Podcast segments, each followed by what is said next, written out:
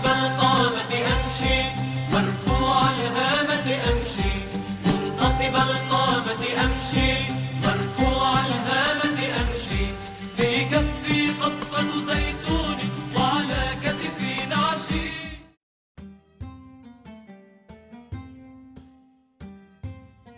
في كفي قصفة زيتون وعلى كتفي نعيش مشهد بسيط غناه مرسيل خليفة في واحدة من أشهر أغاني المقاومة جسد من خلاله التقاء الحياة والموت عند أصحاب الأرض والوطن.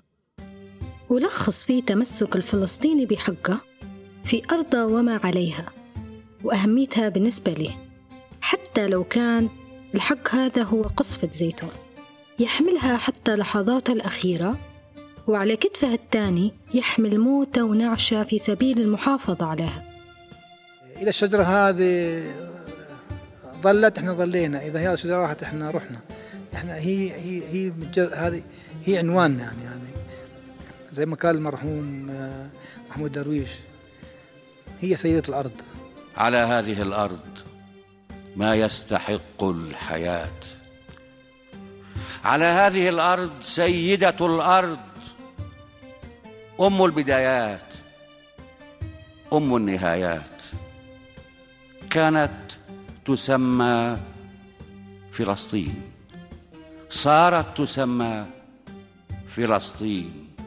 سيدتي أستحق لأنك سيدتي أستحق الحياة. قصفة الزيتون هذه واجب علينا جميعا غرسها. توارثها ورعايتها. واجب علينا المحافظة عليها حتى تعمر مثل شجر الزيتون المعمر في فلسطين. شجر الزيتون اللي تجاوز كونه مجرد شجر حتى أصبح يمثل البقاء والهوية والعودة. هذه السلسلة مش لمجرد الاستماع. هذه السلسلة حملة تشجير ولكن هالمرة للنفوس والعقول. استلمنا قصفة الزيتون من كف مقاوم. وحنتعاونوا على غرسها في نفس مقاوم. حنتعرفوا على علاش وكيف؟ وشن تعني القصفة بالنسبة لينا. وكيف نخلوها معمرة.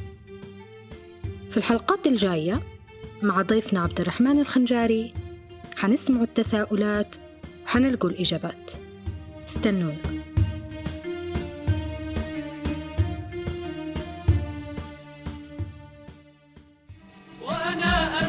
وأنا أمشي وأنا أمشي وأنا وأنا